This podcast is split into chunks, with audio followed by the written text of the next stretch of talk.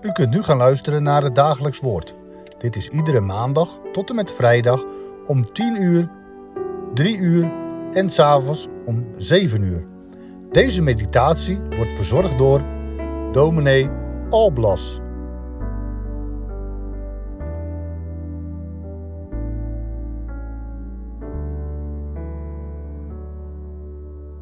Van harte welkom bij deze uitzending van het Dagelijks Woord. Wij lezen in deze periode verder over de leidersgeschiedenis van de Heer Jezus. Aan de beurt is vandaag Lucas 22, vers 7 tot en met 13. De dag van de ongezuurde broden brak aan, waarop men het paascha moest slachten. En Jezus stuurde Petrus en Johannes erop uit en zei: Ga heen, maak voor ons het paascha gereed, zodat wij het kunnen eten. Zij zeiden dan tegen hem: Waar wilt u dat wij het gereed maken? En hij zei tegen hen: Zie, als u de stad binnengaat, zal iemand u tegemoet komen die een kruik water draagt. Volg hem naar het huis waar hij binnengaat. En u zult tegen de heer des huizes zeggen: De meester zegt u: Waar is de eetzaal waar ik het paascha met mijn discipelen eten zal? En hij zal u een grote bovenzaal wijzen, die volledig is ingericht.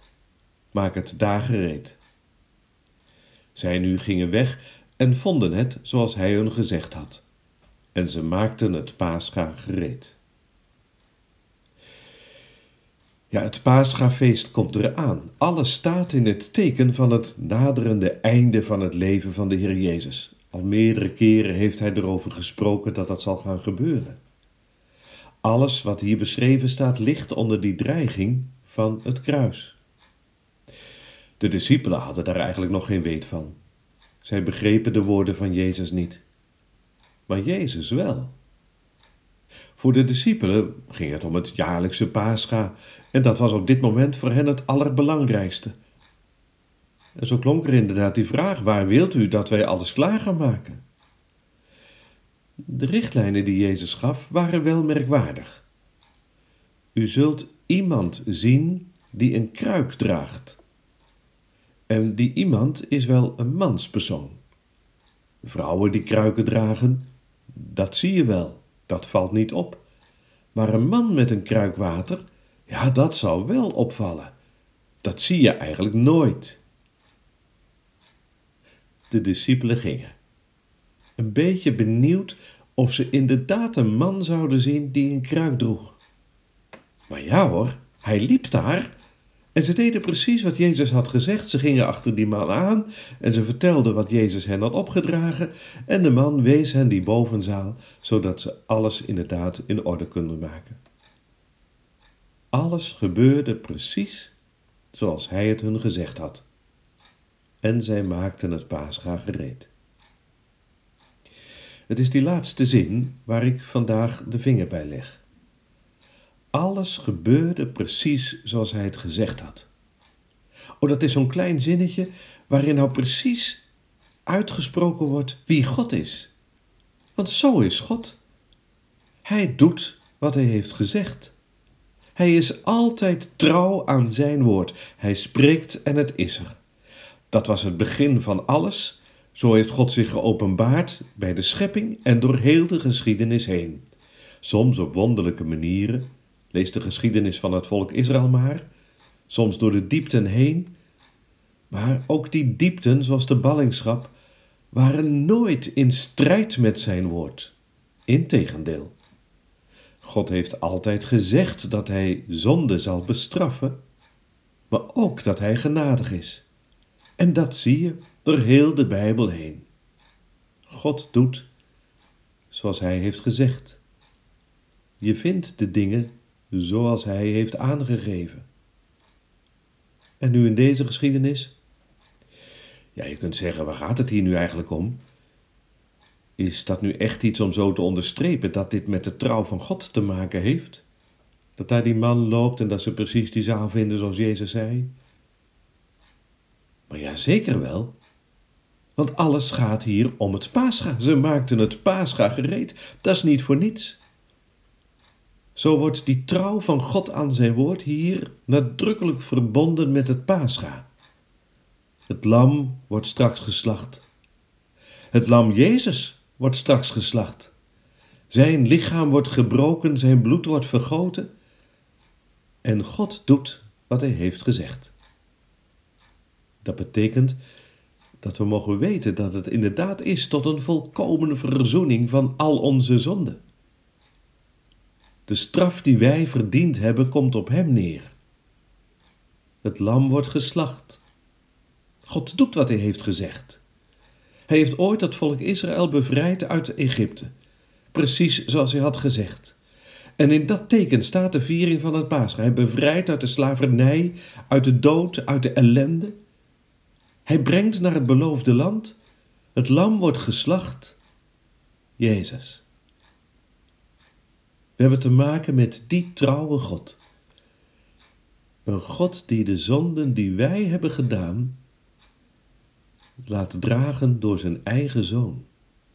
Op hem komt het neer. Dat is genade. Wij ontvangen verzoening en leven door dat lam. Heel de geschiedenis van de kruisiging is een geschiedenis waarbij je steeds weer kunt afvragen waarom. Waarom gaat het nou zo? Maar in het evangelie blijkt steeds weer dat alles gaat zoals God het heeft gezegd. Profetieën gaan in vervulling. Ja, dat kruis is een teken daarvan.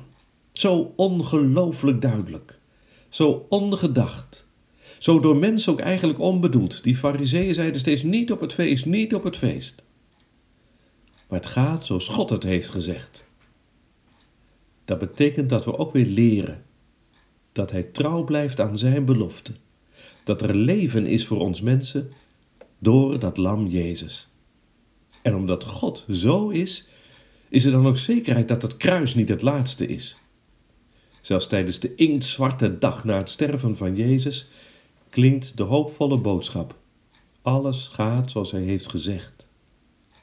Jezus zal niet in dat graf blijven, want de dood wordt overwonnen, Jezus zal opstaan. En elke zondag vieren we dat weer. Alles gaat zoals God heeft gezegd. En vandaag?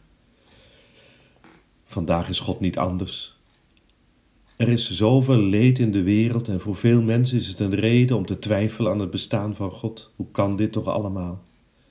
Als God machtig is en liefde is. Ja, maar oorlogen, epidemieën, alles gaat zoals God had gezegd. Nee, God heeft niet gezegd dat er corona zou komen. God heeft niet gezegd dat Rusland Oekraïne zou binnenvallen.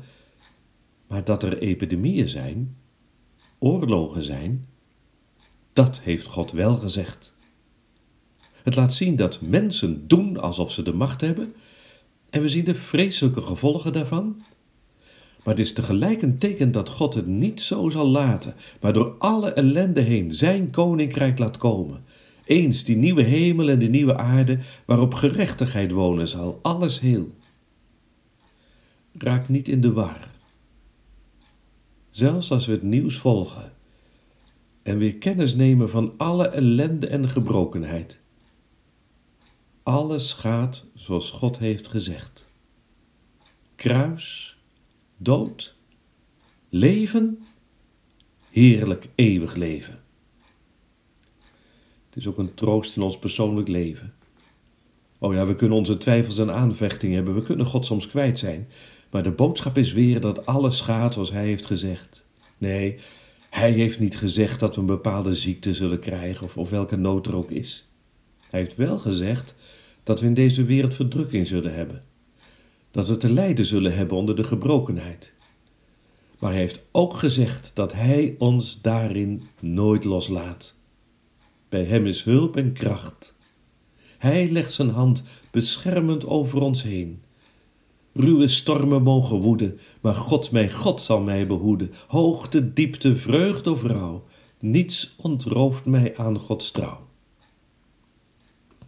Hij heeft het gezegd. En het gebeurt. Want het lam is geslacht, het paascha is gevierd, de zonden zijn verzoend, de dood is overwonnen. En iedereen die tot hem vlucht, mag delen in deze rijkdom. Kom. Laten wij bidden. Heere God, Wij danken u voor die boodschap van trouw. O, soms kan het wel eens wankelen in ons leven. En toch, daar is die vaste rots van mijn behoud. De trouw van u aan uw eigen woord en belofte. Dan mogen we toch weten dat u ons nooit in de steek laat, nooit loslaat en nooit uit het oog verliest. We danken u dat we u zo mogen leren kennen en dat we zo vanuit uw woord kracht mogen ontvangen, bemoediging, hoop en licht in de duisternis. We zijn op weg naar het kruis. Ook wij mensen moeten het kruis soms dragen, maar nooit dat kruis zoals Jezus heeft gedragen. Hij droeg mijn zonde. Wij danken u. En wij bidden, Heere God, bemoedig ons steeds weer op de weg die wij gaan. Vul ons met uw kracht, met uw geest. En help ons om ons vast te houden aan uw woord. Dan hebben we werkelijk houvast. En wat hebben we dat nodig? Zo bidden we voor elkaar, voor mensen die ziek zijn en verdriet hebben, voor de tijd waarin we leven en alle mensen die zo te lijden hebben onder de oorlog in de Oekraïne. We bidden u om vrede. Wilt u lijden? Ontfermt u zich over deze wereld, Heere God? Wij vragen het u uit genade. Amen.